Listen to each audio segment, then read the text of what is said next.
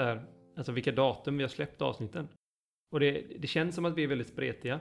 Att vi släpper liksom flera avsnitt rätt tätt och så ingenting på flera månader. Men det ser ändå rätt så, när man tittar så här, men ser februari, mars, april, Ja, sen maj, maj, maj typ och Aha. juli, juli. och sen eh, oktober och sen ingenting i typ februari. Sen. Men, men eh, det var fortfarande så här. Ja.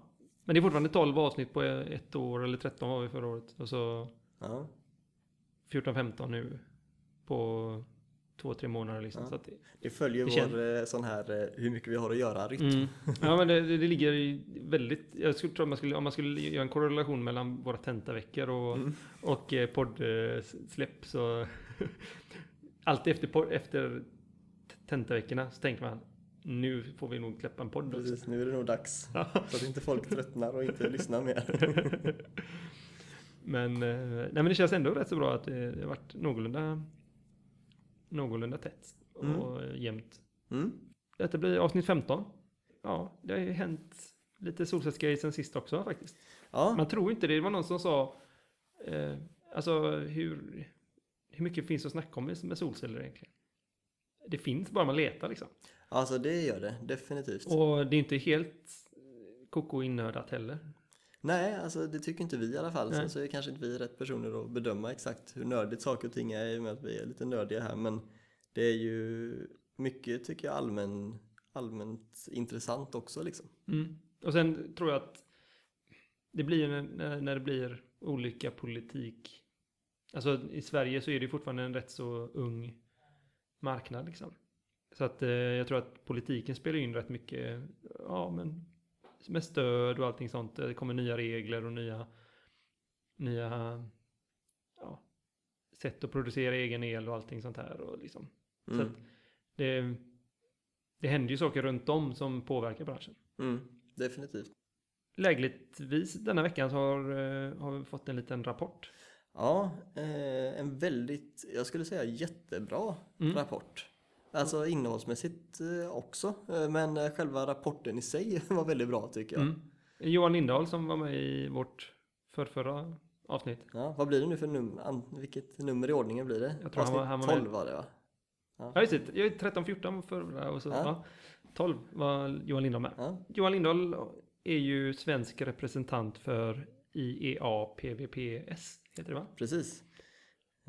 Har du lust att förklara vad det är? ja, det, IEA är då International Energy Agency, den internationella energimyndigheten då. Och PVPS är deras eh, fotovoltaiska, eh, alltså solcellsdelen av eh, den här myndigheten då kan man säga.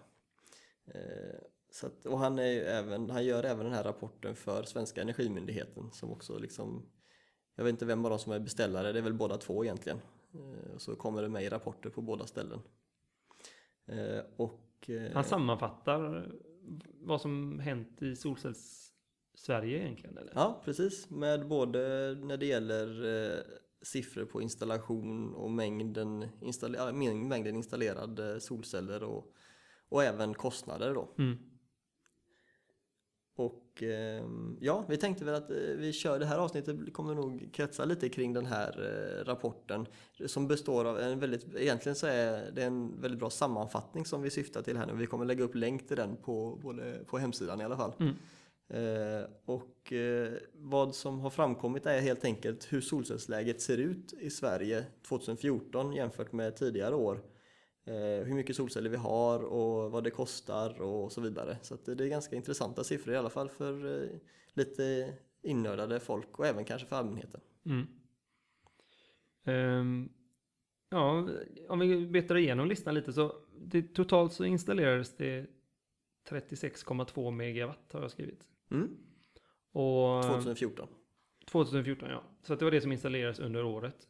Och det är ungefär dubbelt så mycket som året innan. Precis, då var det 19 eh, megawatt. Mm. Eh, och det är alltså ja, en fördubbling helt enkelt. Eh, vilket är, tycker jag är rätt häftigt. Speciellt när det, inte, när det kändes som att det var lite stod lite stilla eftersom att politiken inte var klar. Precis, och ändå dubblar man installationstakten. Det säger ju något om att det finns andra drivkrafter. Ja. Och För det kändes lite som förra året om att alla bara gick och väntade på att de nya reglerna skulle komma. Mm. Men ändå så, ja. Eh, Han drog en slutsats här, Johan Lindahl, om att eh, den snabba ökningen beror främst på de minskade systemkostnaderna och att det är ett ökat intresse för solceller. Mm. Sen vet jag inte hur stor del av respektive grej det är som spelar in, men det är nog, det är nog lite av båda. Mm. Och eh, det är även en fördubbling för fjärde året i rad. Mm. Så det säger också väldigt mycket om hur snabbt marknaden växer. Ja, verkligen. Det var intressant, för han har ju en graf med där i, i rapporten som eh, man ser utvecklingen och då, den är liksom en exponentiell graf ungefär från 2009 Mm. och fram till nu. Och eh, det ser väldigt trevligt ut när man Ja. tittar på grafen på det sättet. Speciellt när priserna avtar i ungefär samma hastighet. Ja, verkligen alltså. Men eh, ja. Ja. Ja, just det, just det. Och nästan allting var nätanslutet också. Mm, precis. Det är också Eh, en, en lite generationsskifte där. För att tidigare så har vi haft i huvudsak eh, standalone systems då. Alltså sånt som inte varit nätanslutet. Man, liksom man konsumerar allt det man producerar i stort sett. Precis, Eller laddar batterier eller vad man gör då. precis. Det var, ja, eh, det kanske du, du sa nu, nu läste jag på texten samtidigt. Eh, Men ja, historiskt har det varit många fristående. Mm. Det var det du sa va? Ja. Ja. Ehm, om man, eh, jag tittade lite på siffrorna där. För totalt installerat vid årsslutet hade vi 79,4 megawatt. Mm, typ 80 megawatt alltså Mm. i Sverige. Eh, intressant. Mm. Och det motsvarar ungefär 0,06 procent av den totala elkonsumtionen. Precis, och det stämmer väldigt bra överens med det vi snackade om eh, Johan Lindahl om sist. Att vi hade 0,03 procent som kom från eh, solceller, alltså elen som kom från solceller i Sverige när vi pratade med honom sist. Och det var innan den här statistiken har kommit. Mm. Och nu har det ju dubblats, så då är det ju rimligt att det dubblar procenten också. Mm. Och eh, det, det är svårt att få lite grepp om hur mycket det är. Men alltså det, om man ser att det är 0,06 procent av den totala elkonsumtionen så, så kan man ju i alla fall läsa in att det här med att solceller skulle vara ett problem för, liksom för elnätet och det, det är det inte vid de här små volymerna liksom.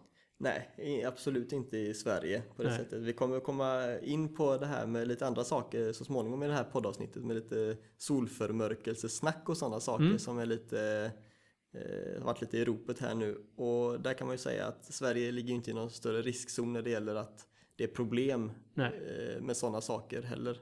Men det kommer vi till lite senare. Jag tänkte bara flika in med Mm. det redan nu. Om man jämför med Tyskland då som har nästan motsatt, alltså de har ju väldigt mycket solceller. Ja. Eh, och de har en total installerad effekt på 38 gigawatt. Okej, jämför med våra 80 megawatt. då. Ja, så att man får ligga på tre nollor liksom. Mm. För att komma upp i samma nivåer. Eh, och då förstår man ju liksom, visst det, det många som ska dela på den elen också. Precis, de Men, är ju några eh, fler där. Men eh, då får man lite grepp om hur stort det är i Tyskland. Ja. Under juli månad förra året hade de den största installations... Alltså den, den månaden de installerade mest solceller. Okej. Under bara den månaden installerade de 343 megawatt. Ja. Så att det är liksom... Det är många gånger fler än vad Sveriges totala installation är bara som de installerade under en månad. Ja, det är inte att leka Och en med. dålig månad installeras runt 100 megawatt. Jaha. Så att det är... eh, Och då, för, då förstår man också hur snabbt marknaden kan växa. Precis. Så att då, det, det kan ju bli ett problem om, om man har den här exponentiella den här exponentiella ökningen eh, så att det liksom på något sätt går utom, utom kontroll. Mm. Eh, vilket jag fortfarande inte tror att de har i Tyskland. Liksom. Alltså att de, de har, det känns fortfarande som att det är man hör ju inte mycket om problemen. Nej, och det är väl inte egentligen eh, de tekniska problemen har väl inte riktigt kommit igång så kraftigt i Tyskland. Eh, Det är väl snarare de ekonomiska problemen som har Mm. eh, dykt upp med, alltså att det är energimarknaden som inte riktigt pallar med den här förändringen i så snabb takt att det kan vara negativa elpriser och annat eh, sånt här. Men eh, Så får man ju väga in att de stänger ner kärnkraftverken och att det leder till att det blir mycket mer fossilt bränsle då. Som man kör, så, alltså som övrig el. mm, Ehm, vad, ska, vad ska producera när vi inte producerar förnybart? mm. Jag ska flika in en grej Mm. där. Vad heter det? Han, eh, vad heter den, professorn på Chalmers? Eh, Kåberger. Mm. Han hade en utläggning om det, att eh, det här med att eh, fossilt ökar på grund av eh, att de stänger ner kärnkraften Mm. inte stämmer. Nej, Att det är eh, falskt, alltså så här, Mm. att det är många argumenterar myt. för myt. Ja, precis. om vi ska fortsätta på Kåberger Ja. så är ju han invald i Vattenfalls styrelse nu. I Vattenfalls styrelse? Ja. Jaha. Eh, De tillsatte, regeringen tillsatte två nya styrelsemedlemmar. Och då var det Thomas Kåberger och en kvinna som hette Victoria Berggren kanske? Bergman, någonting sånt. Eh, För att få lite mer hållbarhetsinput. Ja, då har de ju satt dit rätt person i alla Mm. fall. Det blir intressant att se vad eh, de ska vad som ska hända nu. Ja, för det är många som väntar på svar om Vattenfall. Vad, som, vad regeringen ska göra med alla kolkraftverk i Tyskland. För att det har varit väldigt hög svansföring eh, från framförallt Miljöpartiet då. Om att det ska stängas ner kolkraftverk och kolgruvor. Men det har inte kommit några svar om de ska göra det än då. Nej. Och så har man den här problematiken har man också läst om det här med att ja, om vi stänger ner dem Ja, stänga ner dem är ju bra, men att sälja dem är ju dåligt. Precis, för då är det någon annan som bara släpper ut samma Mm. Det kom lite av tråden här nu, men i alla fall, det var i alla fall lite jämförelse där med hur mycket Tyskland har och producerar. Och det här, de här svenska 80 megawatten som är installerade då eh, nu totalt sett eh, nu då, 2014 eh, de beräknade Johan Lindahl här ungefär producerar ungefär 75 gigawattimmar per år. Mm. Och jag gjorde en liten, en liten snabb räkning på att det blir ungefär eh, 950 kilowattimmar per kilowatt som man anser då att solcellerna producerar, vilket är ungefär det man nog brukar räkna med eh, i, eh, när man räknar på hur mycket Mm. solceller producerar då.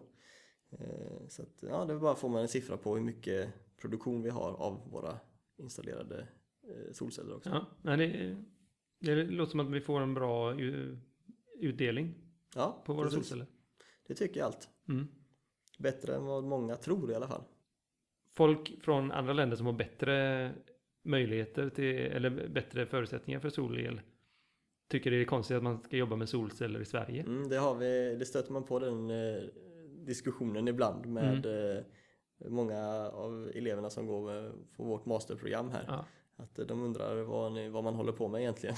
som tror att man ska hålla på med solel i Sverige. Eh, och det är klart, jämför man med, med vissa länder så är det klart att eh, runt ekvatorn där någonstans så är ju förutsättningarna eh, aningens bättre. Det Ja. kan man inte kan vara undan. Men sen är det frågan eh, att eh, huruvida ekonomin ändå är faktiskt eh, okej Mm. i våra breddgrader på grund av prisnedgången. Då. Jag tänkte jag ska tänkte rabbla lite fler siffror här kring eh, från eh, Johan Lindahls rapport som jag tycker är intressanta.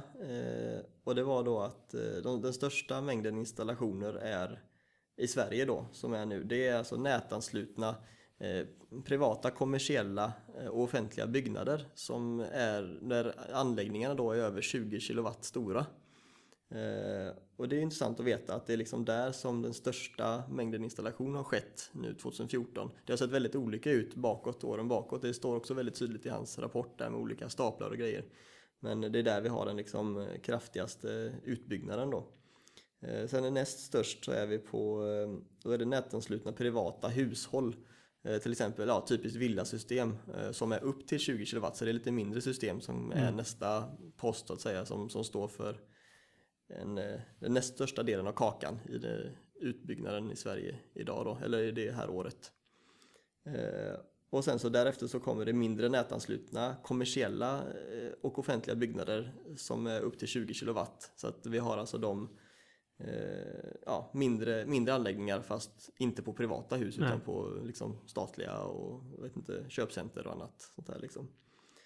Sen finns det en liten del som är nätanslutna centraliserade solcellssystem som han beskriver det. Eh, och det kunde man nästan tro att det skulle vara större. För det är ju de här solcellsparkerna då som Ja, har börjat poppa upp. Eh, så jag var på besök på en invigning här i tidigare avsnitt som vi pratade om. Eh, och de här står alltså för en väldigt liten del av installationen i Sverige. Eh, och det kan vara intressant att sätta i perspektiv för att det liksom, de är ju inte så många. De är väldigt stora men Och de syns väldigt tydligt. Precis, och det är mycket snack om dem. Ja.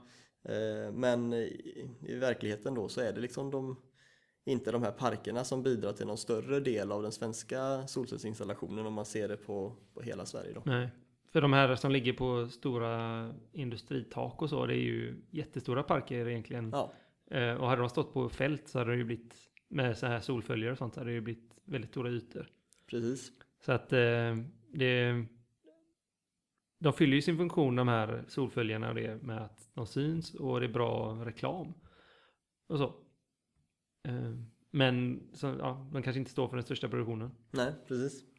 Nej, det behövs väl på lite både och, lite Mm. så här gå före och synas grejer. Ja. Det är också bra. Sen skrev han om priset också. Att eh, de har sjunkit från cirka 17 kronor per watt till 15 kronor per watt. I någon slags genomsnitt då för de olika typerna av system som finns. Men en intressant grej också gällande de här priserna eh, som vi sa här, det är att eh, det här som kostar då, det är ett medianvärde det här 13 kronor per watt för eh, de här största anläggningarna och även 14 kronor för de här eh, mellananläggningarna och så vidare som man har i statistiken. Men för de, för de eh, lite större anläggningarna då som har ett medianvärde på 13 eh, kronor per watt där har de även kunnat pressa priserna ner till alltså 10 kronor per watt också.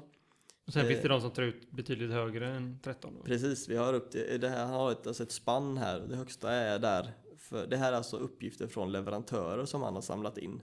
I svenska leverantörer, eh, ett gäng då. Eh, Och eh, det sträcker sig från mellan 10 och 16 eh, kronor per watt.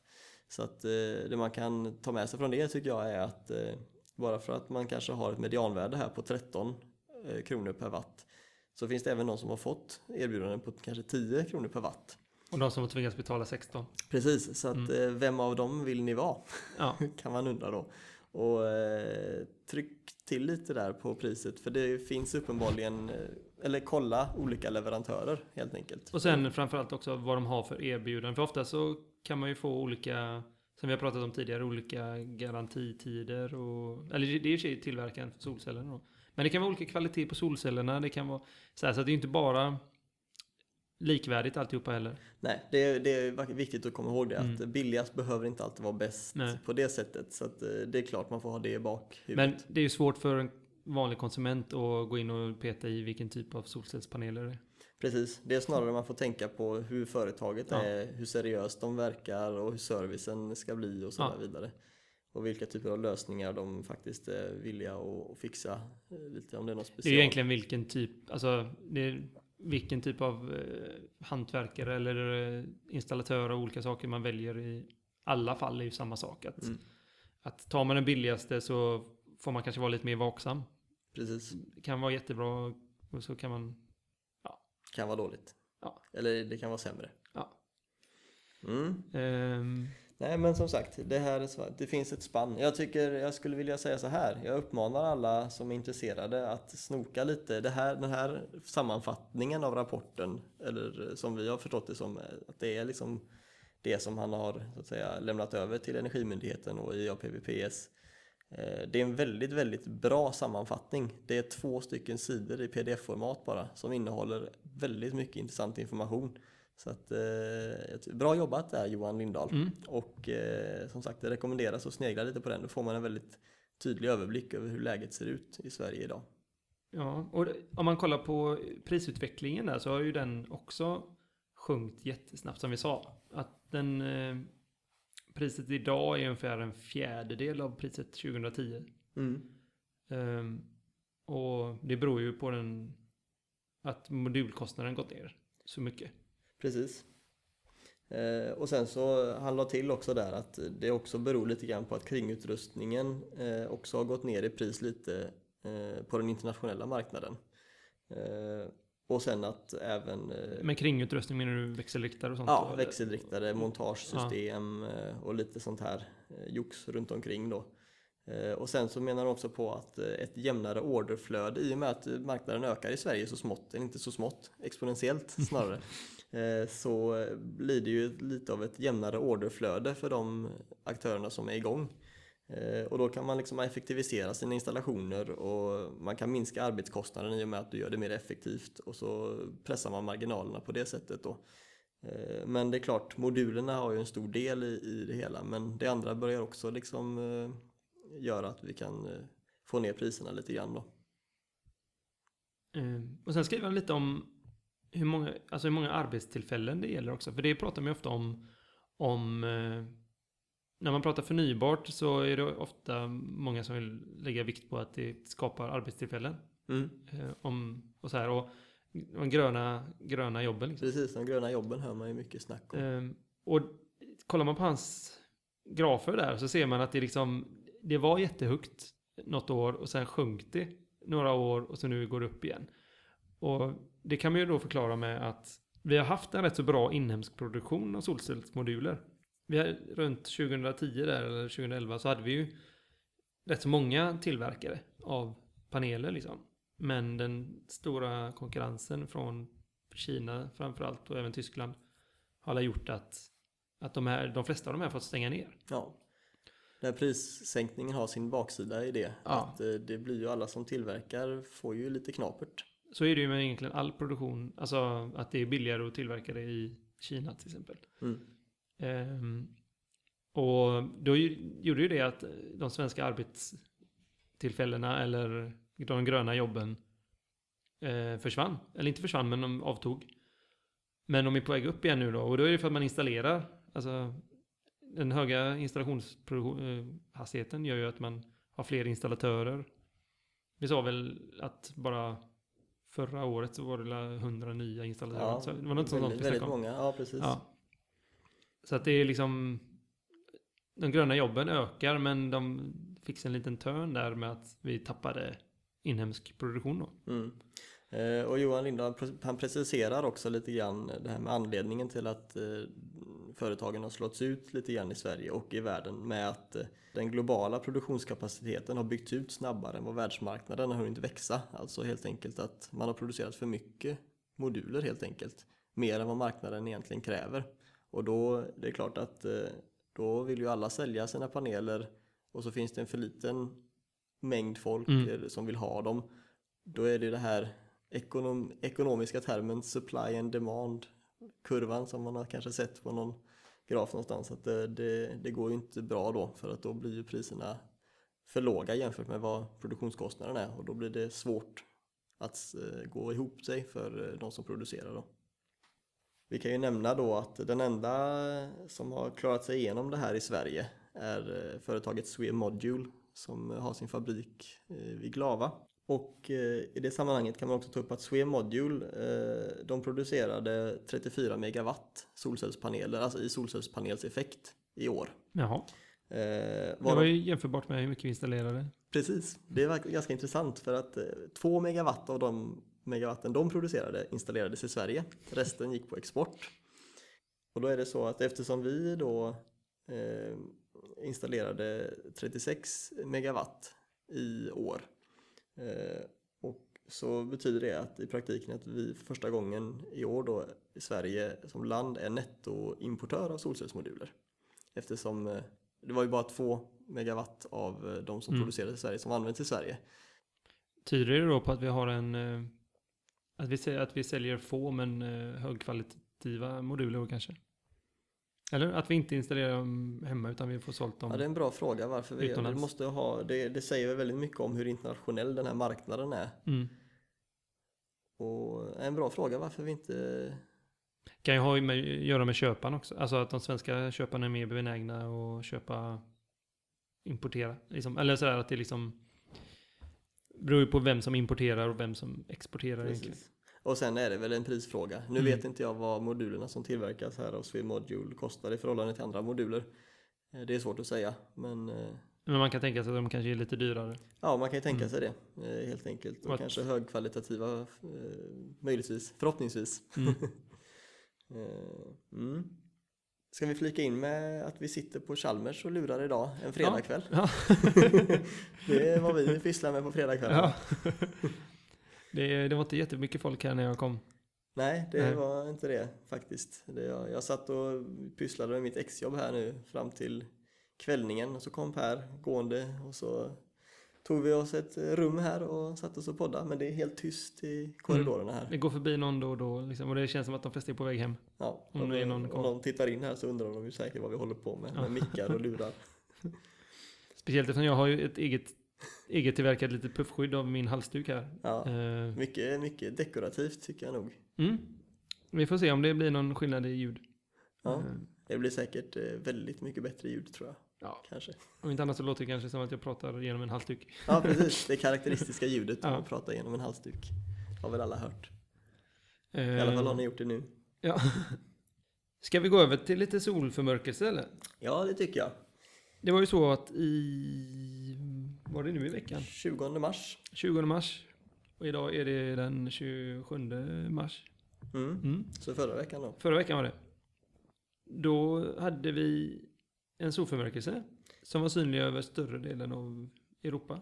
Förutom här på Chalmers när jag skulle gå ut och kolla för då var det så mycket moln och det var kanske fler som upplevde det. Så jag såg inte ett smack. Jag var Nej. så väldigt exalterad över detta. Och blev så besviken när jag kom ut och skulle titta efter den. Jag hade ju gett upp hemma. Jag, satt, eh, jag var hemma med min dotter och så hade jag tänkt, ja, nu tänk- tänkte vi skulle titta på den. Och så insåg jag att så här molnigt så kommer jag aldrig se det. Men jag fick se den och jag fick en bild på den också. Ja just det, Ja. den skulle du skicka till mig. Ja, det gjorde jag aldrig. Jag glömde Nej, det. Så jag får lägga upp den, ja. vi får lägga upp den på Då hemsidan. får jag en liten, liten touch av solcellsförmörkelse i alla fall. Solförmörkelse, inte solcells. Inte solcell.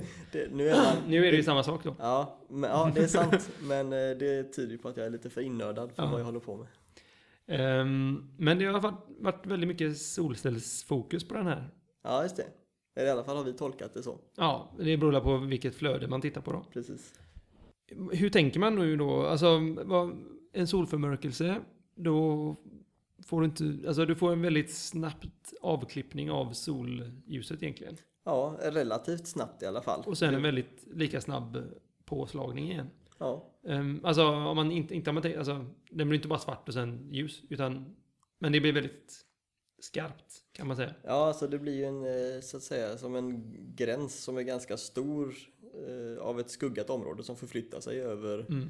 jordens eh, yta och träffar den, eller blir den här skuggningen på ett ställe där det finns mycket solceller som, eh, som bidrar till energisystemet då.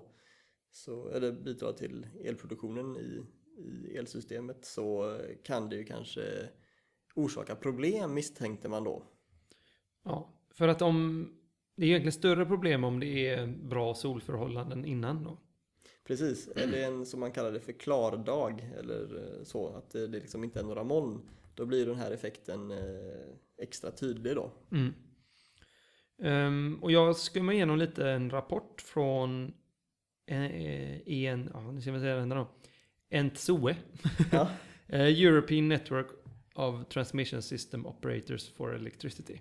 precis. Jag har sett många märkningar med den loggan i Mm. de här rapporterna jag läser för mitt exjobb. Det, Ja, ja. det är en jobbig lång, lång förkortning tycker Mm. jag.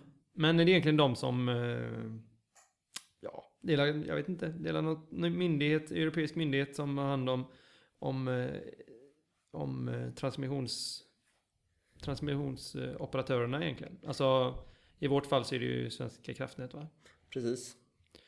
Ehm, och de har ju försökt då att samordna så att man liksom samarbetar för att få en så smidig, smidigt förlopp som möjligt egentligen på sol, den här solförmörkelsen. Alltså, om det är mycket solel innan ehm, så behövs det ju stöd då från andra energislag. Och framförallt att man kan sälja och köpa el över länder smidigt så här. Mm. Ehm, så att de, den här rapporten jag läste då var ju en, en förberedande rapport. För att de har gjort väldigt mycket forskning på vad som kommer ske och an, så här simuleringar och så. Ehm, och det är egentligen det jag har tittat på. För den sammanfattande som var efter, det var inte så mycket rapport. Jag, jag inte vad jag hittade i alla fall. Utan det var mer, en, mer sammanfattning som gjordes efter att själva solförmörkelsen ägde rum. precis Alltså. hur, hur det gick liksom. Mm. Men eh, vi kommer dit också. Mm. Ehm, men man räknade med att det är ungefär i den drabbade zonen då, alltså i, det var ju norra Europa skulle man kunna säga. Um, det fanns ungefär 90 gigawatt installerad effekt. Eh, och man räknar med att ungefär 30 gigawatt, alltså en tredjedel, skulle falla bort Mm. Vid vackert väder. Just det, det var en eh, sak för jag sneglade även på eh, som vanligt på Mm. Bengts villablogg Ja. som gjorde en liten eh, analys av den här, också hade gått igenom den här rapporten då, Bengt hade läst den eh, och gjorde lite analyser och det var just det han poängterade ganska tydligt där att eh, den här NCO-rapporten, om det nu uttalas så, har just utgått från att det är, en, alltså att det är sol överallt samtidigt när den här, eh, alltså det finns inga moln Nej. inblandat. Vilket är ett extremfall då som med stor sannolikhet inte kommer inträffa. Framförallt att det ska vara så över hela ytan. Ja. Alltså även som i Sverige då när det var jättemolnigt. Precis, precis. Så att, eh, men det är i alla fall, men å andra sidan, eh, jag förstår tanken med att göra ett worst case, alltså ett värsta scenario för att analysera vad som skulle kunna hända i något slags värsta fall då. Men det får man ha som utgångspunkt när man hör de här siffrorna vi pratar om nu. Och man var ju rädd då att reglerkraften inte skulle räcka till egentligen. Eller dela det som är farhågan liksom. Att man inte ska kunna, att man ska få höga frekvensvariationer eh, och sånt då. Mm, I, kanske eh, även lite spänningsproblem i Precis. lägen. Ehm, och man, i simula, simulationerna då så räknar man med att cirka, nu kommer lite sifferrabbel här, men cirka 400 megawatt skulle falla bort per minut under den värsta halvtimmen. Just det. Eh, Den när solförmörkelsen kommer va? Eh, När du liksom när eh, det blev, det går från ljust till mörkt. jag tror, om inte jag tänkt fel nu, så tror jag att det är alltså när den är helt släckt. Är det inte så? Att när hela solen är, när största ytan är skuggad. Ja, Jag tänker just eh, förändringen här per Mm. minut är väl när den håller på och sveper. För att den största förändringen kommer väl ske när så, Ja, ja. må, månen så att säga Just det. sveper, sveper förbi innanför solen. Och i det läget där mest del av solen täcks snabbast. När man har högst störst gradient kan man kunna säga. Ja, precis. Alltså, man ska prata derivata och sånt där. Så, Ja, att det är liksom det föränd- högst snabbaste förändringen sker. Precis, och den Ja. lär ju ske i något slags, eh, något slags läge i strax efter att den börjar solförmörkelsen. Ja, det är mycket möjligt faktiskt. Jag har inte funderat på det faktiskt. Nej. Men eh, det var ungefär 400 megawatt skulle falla bort per minut. Ehm, och sen så var det intressant att det skulle bli, om man säger, det skulle bli värre när solen kommer tillbaka. Att, det, att den förändringen som sker när man får tillbaka solen är, skulle vara 700 megawatt per minut. Och jag, jag får inte det att gå ihop. Nej, ärligt talat så jag tänkte också på det i en sekund höll jag på att Mm. säga. Och den, vi kan, jag tycker vi skjuter ut den frågan till Mm. våra poddlyssnare. Eh, jag har en teori om att det beror på att den här specifika solcellsförmör- solcellsförmörkelsen, den här specifika solförmörkelsen eh, kanske är så att, alltså att just skuggan eh, sveper på det sättet att för det här scenariot med att de här länderna sveps och den här typen av fördelning med solceller i de här länderna gör att eh, vi kommer att få en större problematik när så att säga skuggan försvinner och det blir sol igen. Så kan Rent det vara. geometriskt liksom, så här, hur Ja. solcellerna är placerade och så.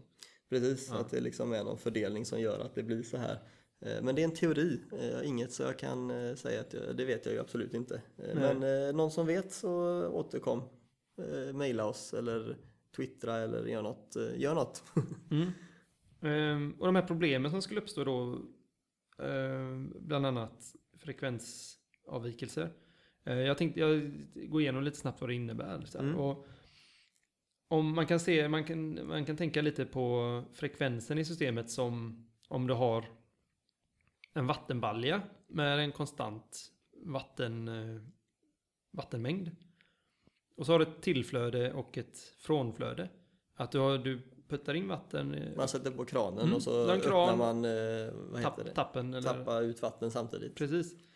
För att den här nivån ska vara konstant så måste du ha lika mycket in som du får ut. Ehm, och man kan se det som elproduktion och elkonsumtion att när de är exakt lika så har vi en konstant frekvens. Ehm, om de här två varierar för mycket och att man inte kan reglera upp produktionen lika, lika snabbt som eh, förändringen i konsumtion Mm. så kan frekvensen avvika. I Sverige så har vi ju en nätfrekvens på 50 Hz. Mm. Och den får inte avvika med mer än 0,1 Hz va?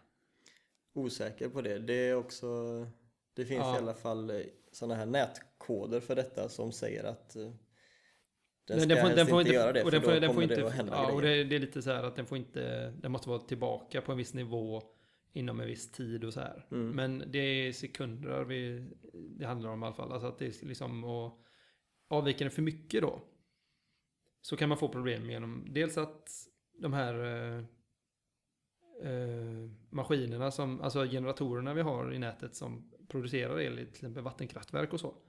De bygger ju på att vi har en konstant frekvens, att man har eh, eh, synkronmaskiner som snurrar med en viss frekvens och det är den frekvensen vi, vi, har, vi får nätet helt Mm. enkelt. Och de här försöker ju se till att, se till att fixa så att vi får den frekvensen också. Så att eh, om det avviker så är det de här till exempel vattenkraftsgeneratorerna som försöker att vi vi ökar vattenflödet helt enkelt in i dem så att de snurrar, försöker snurra snabbare så vi återkommer till om det går ner i frekvens till exempel. Och de följer ju även frekvensen i nätet, va? Gör de inte det? Att det är liksom om nätfrekvensen avviker så försöker de motverka det, va? Är det inte så? Ja, precis. Och att om du får för stora avvikelser och för snabba så kan de... Eh, ja, det, det, det rubbas helt enkelt. Precis. du kan få vet du, resonans, va? Ja, dels kan du få resonans, att du liksom, de börjar gå lite snabbare och saktare och snabbare och saktare. Till slut så kommer det till en gräns som egentligen bestäms av hur, eh, hur man har gjort inställningarna i den här eh, själva generatorn då. Men eh, man väljer helt enkelt att stänga ner en generator om den, om den ramlar utanför för mycket. För då är det, indikerar det att det är något som är fel, om man säger så, på nätet. Det kan vara massa olika saker. Eh, och därför så riskerar man ju då om den här frekvensförändringen på grund av till exempel solförmörkelse då, där vi får en väldig förändring i mängden effekt i nätet. Eh, så kan ju det få den här, en generator till exempel att tro att, eller den, den känner att frekvensen och wobblar för mycket åt ett håll så att, håll så att, eh, så att eh, den väljer att stänga av sig och då får man ju ytterligare problem. För det blir ju ett följdproblem att då har vi ytterligare en generator som inte producerar och så kanske det blir jobbigt för en annan generator som också tycker att det är för dåligt och sen så får det en kedjeeffekt och så blir det en sån här, vad heter det nu, blackout. Mm. Precis. Och ja, det, det är de här grejerna som man då är rädd att ska kunna ske när vi har eh, generator eller eh, elproduktion som är, beror på väder och sånt som vi inte kan styra över. Mm. Det var väldigt bra liknelse med vatten, vattenbaljan där, eller Ja. badkaret. Mm. Att, eh, för nivån där då menar du är Ja, frekvensen? vatten, vatten, vattennivån är frekvensen, men den ska Ja. hållas konstant. Ja, just det. Eh, Och solinstrålningen är vattnet vi fyller på då, till exempel. Är det Mm. motsvarande? Och proppen är det som vi, som vi drar i el. Ja. Eller det som rinner ut i proppen då. Mm. Ehm, och sen kan ju även, eh, det är inte bara produktionssidan som skadar, eller som kan påverkas, utan även, alltså om nätfrekvensen avviker så kan du även få, alltså du, kan, du ska ju ansluta massa apparater till nätet. Mm. Till exempel eh, pappersbruk och sånt är ju jätteberoende av att deras maskiner går i nätfrekvens. Mm. Ehm, och även alltså, elektronik och sånt, allting är ju byggt för 50 Hz. Mm. Och om vi då får 51 Hz så är det en jättestor skillnad. Mm. Det är liksom kan både gå sönder och fungera sämre. Eh, och sen läste jag också en rolig grej i den här rapporten, eller en rolig men intressant sak att att det är inte bara själva solförmörkelsen som, alltså att solen går i moln som påverkar nätet, utan även att folk vill ju titta på det här fenomenet. Och att då folk upphör att göra det som de sysslar med, att dra el, eller Mm. att konsumera el, och istället bara går ut och tittar på himlen. Det påverkar ju också. Mm. Ehm, och att den påverkan faktiskt blir större än själva solförmörkelsen. Jag, jag vet inte riktigt hur de menar då, men att det påverkar mer liksom. Alltså det förmodligen blir väl effektförändringen på grund av att folk slutar göra saker Ja. och sen börjar göra saker igen som har med el att göra. Ja. Men, Den- men en positiv grej där är ju att de här två förändringarna är ju i alla fall motsatta. Ja, precis. Att det är bra att folk slutar konsumera när vi inte får så mycket eh, el in i nätet. Ja, just det. Det problemet är att det påverkar mer, eller att det här konsumtionsförändringen påverkar mer än vad själva produktionsförändringen gör. Mm. Men i vilket fall så får du ju olika, eller fel vattennivå i tanken. Om du tänker vattenanalogin. Mm. Det här är ju också fortfarande bara analyser av vad som kommer hända. Mm. Sen så läste jag lite då på vad, vad som faktiskt skedde, Mm. eller hände då. Ja. Eh, Men det var mycket mindre data på det och mycket mindre så här. Men i stort sett så uppfylldes alla förväntningar. Eller så här Mhm. att de hade ungefär, systemet klarade det väldigt bra. Elmässigt, alltså själva tekniskt klarade systemet det väldigt bra. Och att det var i huvudsak för att man hade väldigt gott samarbete mellan länderna. Eller så här att det är liksom olika TSOs, alltså Transmission System Operators, eh, de, kommunikationen funkar liksom och så här. Ehm, och så var det specifikt också några grejer att Italien till exempel, som också har en väldigt hög solcellsandel, eh, de kopplade bort en väldigt stor mängd solceller redan på morgonen. Alltså, de kopplade bort solcellerna för att undvika problemen Mm. och ersatte det med annat då. Mm. Det är också ett sätt att göra. Att de, eh, så de kopplade bort 5 gigawatt solceller i Mm. Italien. Det blir ett sätt att jämna ut den här problematiken helt enkelt. Att Mm. man förbereder. Eh, Och sen kanske man inte behöver koppla på det så snabbt då precis i, i samma läge som, som solen kommer tillbaka. Utan då väntar Man- man också ja. lite. Man kan fasa in det liksom. Och även om det tekniskt inte... Alltså nätet klarar det väldigt bra tekniskt. Så var det rätt så stora... Alltså elpriset var lite mer... Det blev lite mer... Alltså det blev... eh, Elpriset ökade rätt rejält under själva solförmörkelsen då. Ja, där är vi tillbaka med marknadsdelen av el, eltänket Ja. Som inte riktigt är med på allting som förändras. Nej, för att vi, vi kan väldigt ofta bara så här avfärda, alltså avfärda problem Mm. om, om det tekniskt är bra liksom. Precis, Men, men det man måste ju tänka på att vi tar bort en, en energikälla som är gratis i produktionsögonblicket och ska ersätta det med någonting som kostar pengar. Det kräver ändå... under- Framförallt om du kör gas och kol, då kostar det ja, pengar. och framförallt då, det är ju det som ersätter när, Ja. vi, fall- när det faller bort. Så det det faller bort snabbt Ja. framförallt så är det När vi har de här gas. Ja, och när vi har de här snabba förändringarna så är det ju det man vill. För gas kan du putta in i systemet väldigt snabbt. Ja. Ehm, och det kostar ju pengar. Mm. Ehm, Oerhörda pengar faktiskt. ja, Gaskraftverk är inte billiga och Nej. framförallt inte att dra igång. det blir ju väldigt stora prisvariationer när vi får varierande produktion. Och eh, ett exempel från Bloomberg Business här då var att under den här en kvart när solen var helt täckt och en kvart senare eh, så varierade priset på elen från 950 euro per megawattimme till minus 130 euro per megawattimme. Alltså först så kostar elen 950 euro att köpa Precis, det är när det är mörkt alltså. när det är mörkt. Och sen så kostar den 130 euro att producera i stort sett. Precis, När det är när, en kvart senare liksom. så då får producenterna i praktiken betala för att de skickar ut el på nätet. Ja, och det är för att vi får ett för stort tillskott på el när solen kommer tillbaka då liksom. Alltså Mm. att man måste kunna göra av med, eller ja, vi har för, för, annars så får vi där också igen att då inflödet för stort. Och så kan vi få spänningsvariationer och frekvensvariationer. Mm. Ehm, och då får vi ett wobblande el- elsystem och det vill vi inte ha. Nej. Så man skulle kunna konstatera att som det är idag med sådana här typer av händelser så, så är det den ekonomiska marknaden som eh, elmarknaden helt enkelt som, som eh, ligger, släpar lite efter. Mm.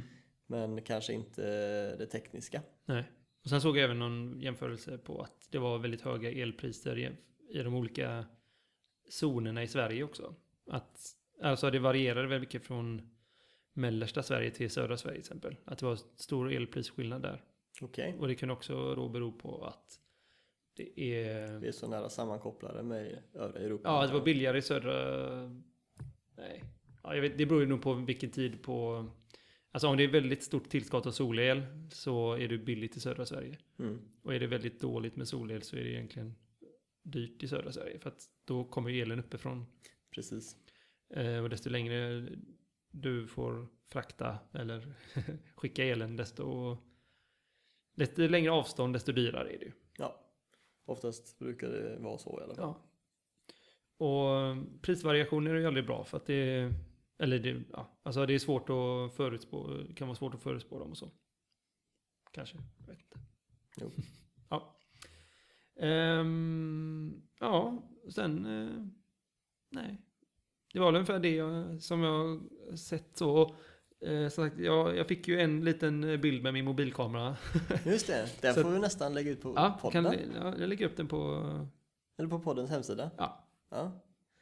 Eh, vad heter det? Och som vanligt så ska jag alltid flika in med någonting i slutet. Ja. som är så här, när alla tror att nu är det klart. och så kommer han med något litet... Eh, jag måste här, lite själviskt också så här, säga att det här, eh, allt det här med solförmörkelser och produktionsbortfall och frekvensvariationer och sånt. Det, har ju väldigt mycket med mitt exjobb att göra måste jag säga igen. Eh, och jag ska bara då flika in med att jag igår var ute på, mot kusten till där Chalmers har ett forsknings, eh, eh, ja, ett forskningscenter kan man säga, Liten, litet sådant för vindkraft mest men de har också lite solceller och där var jag monterade en solcellsinstrålningsgivare här igår efter lite mycket om och men och det regnade och hade sig och det var kallt men det gick bra till slut. Eh, Så att, eh, det var bara en uppdatering kring mitt eh, Mm. exjobb och att syftet med den här är att den ska logga solinstrålning väldigt fort och se hur de här variationerna i solinstrålning från vanliga moln då som passerar förbi hur det går och hur, eh, hur mycket vi kan förvänta oss att det varierar. Så jag ska logga den här solinstrålningen väldigt fort för att få, få den informationen så att jag kan klura på det inne på mitt rum här på Chalmersen och göra någon modell och lite sånt. Jag kan, ju, jag kan ju tillägga där att jag blev väldigt glad när jag såg att du hade fått upp den för att jag vet hur mycket du har bråkat med den här. Ja, det har varit mycket bråk med Ja, den. eh, just, eh, och det kan man ju inte kanske tro. Alltså, det känns som att det borde vara ett enkelt att bara solcellsinstrålningsgivare, koppla in den, funka. Men det har inte riktigt varit så. Nej, det har inte varit så. Nej. Eh, framförallt så eh, när man vill logga väldigt fort som jag vill göra så hänger inte riktigt Alltså med hög upplösning eller med hög förklara. upplösning. Ja. Man vill liksom, man vill veta, jag, höll, jag vill samla in hur mycket solinstrålningen är vill jag samla in 100 gånger per sekund. Eh, vilket många tycker att det är ju helt onödigt. Eh, och det är det säkert på vissa, på vissa sätt också. Men jag ville ta i överkant där lite för att se grejer. Eh, och, men bara det att den, då ville den inte logga solinstrålning som är lägre än 80 watt per kvadratmeter. Vilket är ganska lite i och för sig. Men det var så lite störande så då fick jag hålla på och bygga massa grejer och löda lite småsaker och sånt för att göra en, en sak som gjorde att den tryckte ner. Eh, Så att när det var ingen solinstrålning så skulle det också visa noll på den här mätaren. Och Det har varit lite meck. Mm. Men nu är den uppe. Men det måste ändå vara rätt så bra att ha de här eh, låga solinstrålningarna korrekta eller för att det är ju väldigt ofta, alltså vi, när vi har riktigt molniga dagar så är det väl inte så hög Nej precis, det var faktiskt intressant för eh, det var runt 100 watt nu när, jag, Ja. när det var som molnigt där ute om man säger så. Vilket då betyder att jag kanske helt i onödan har byggt den här jädra grejen som ska fixa till solinstrålningen under 80 watt.